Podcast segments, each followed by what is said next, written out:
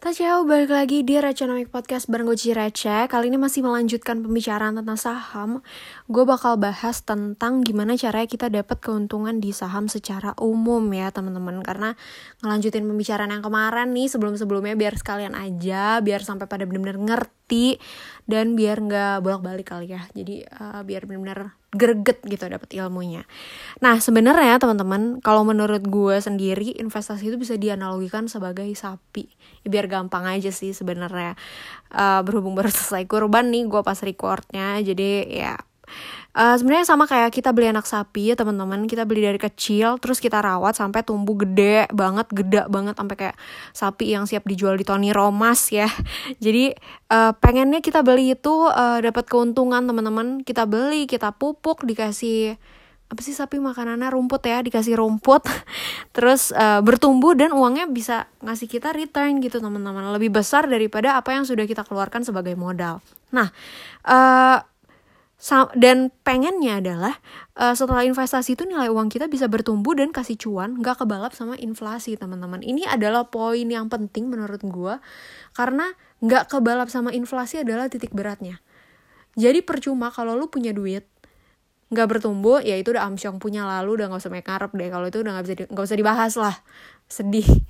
Kalau lu punya duit bertumbuh tapi tidak sebesar inflasi dan malah dan nggak melebihi inflasi malah lebih kecil ya itu juga setengah amsyong lah. Minimal masih bertumbuh walaupun uh, ya tetap berkurang jatuhnya misalnya ya. Inflasi berapa ya? Misalnya contoh ya gue nggak nggak apa lagi angka inflasi sekarang. Contoh inflasi sekarang 7% lu taruh deposito 3% sebenarnya lu pikir lu cuan apa enggak? Kalau kata gue lu nggak cuan karena deposito lu cuma ngasih 3%, inflasi 7%. Duit lu menurun sebesar 4%, guys. Jadi jangan anggap lu taruh situ sebenarnya cuan enggak ya, tapi itu kalau lu buat dana darurat yang seakan se, sekapan-kapan lu bisa tarik anytime mau tarik ya itu oke okay, gitu atau misalnya lu udah tua jadi nggak mau taruh banyak-banyak investment yang beresiko gitu karena kalau kenapa-napa lu udah nggak punya waktu lagi buat ngebenerin hidup lu ya ya oke okay lah buat taruh situ. Tapi kalau pengen menumbuhkan uang dari sisi investment apalagi setelah gue lihat listener gue banyakan yang anak muda 20 sampai 35 tahun ya rasanya sih nggak ke arah situ ya. Pengennya kita benar-benar bertumbuh cuan dan ya cuan is life ya. Jadi bertumbuh dan bertumbuh terus kalau bisa berkali lipat gitu Nah, sebenarnya kalau di saham balik lagi ke topik tadi, teman-teman sebenarnya ada dua uh, tipe keuntungan yang selama ini bisa diambil teman-teman dan gue pakai di dua-duanya juga, yaitu yang pertama kita bisa ngincar capital gain dan yang kedua adalah kita bisa ngincar dividen, teman-teman. Untuk capital gain sendiri sebenarnya uh, kalau dianalogikan sebagai sapi nih, kita beli sapi di harga wajar deh. Misalnya kalau kemarin lagi kurban harganya bisa jadi 20 30 juta atau bahkan ada yang 100 juta, ya kita main yang murah dulu dah ya, 20 30 juta gitu. Kita bisa beli sapi misalnya dari kecil harganya masih 10 juta. Masih 15 juta kita kasih makan rumput tiap hari dimandiin mungkin dipijat-pijat biar jadi mahal kayak sapi-sapi yang ada di Holy Cow gitu ya yang sepotong doang berapa? 100 200 300 ribu 500 ribu kalau di Tony Romas gitu. Nah eh, ini kita rawat-rawat-rawat sampai dijual mahal pas lagi kurban. Inilah yang kita bilang sebagai capital gain. Contoh pada aplikasi saham. Gue beli saham BCA di harga 30 ribu wajar apa enggak ya valuasi lu masing-masing lah ya. Kita uh, anggap itu adalah harga umumnya pada saat ini 30 ribuan.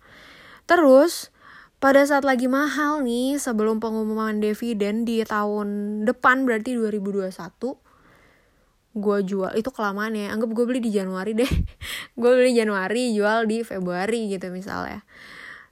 Gue jual di harga 33 ribu Nah, itu gue udah dapat capital gain, teman-teman. Sebesar 30.000 kurang 33 berapa? 3.000. Jadi, uh, itu adalah capital gain yang diincar. Dan tentunya berapa periode inkubasi waktunya nggak bisa diukur karena setiap orang dan setiap emiten membutuhkan waktu yang beda-beda dan setiap orang punya patokan yang beda-beda.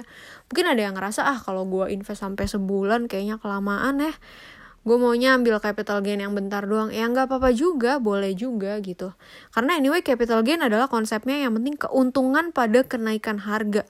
Mau lu cuman hold sejam terus naik juga boleh karena gue pernah juga kayak gitu. Jadi sebenarnya capital gain adalah yang paling uh, apa ya paling sering terjadi lah gitu. Kayak misalnya lu beli saham A tiba-tiba digoreng naik lo lepas gitu. Nah itu terus saham apa tiba-tiba diborong asing naik lo lepas. Nah itu capital gain. Dan ini biasanya banyak terjadi pada transaksinya trader atau yang day trade yang harian, yang mingguan, yang swing, tapi bukan yang buat invest jangka panjang. Nah, kalau orang yang invest jangka panjang bertahun-tahun dapat apa dong, Ceh? dapatnya berupa dividen teman-teman opsi kedua. Jadi dividen ini istilahnya kalau kita ternak sapi perah, produksi susu, terus dijual, sapinya masih ada nggak? Masih ada. Dia masih produksi terus nggak? Masih produksi terus. Jadi dividen adalah pembagian sebagian dari keuntungan lo. Kalau di perusahaan, contoh ya, uh, ada perusahaan ABC, jangan deh DEF ya biar nggak bosen masa hurufnya itu terus.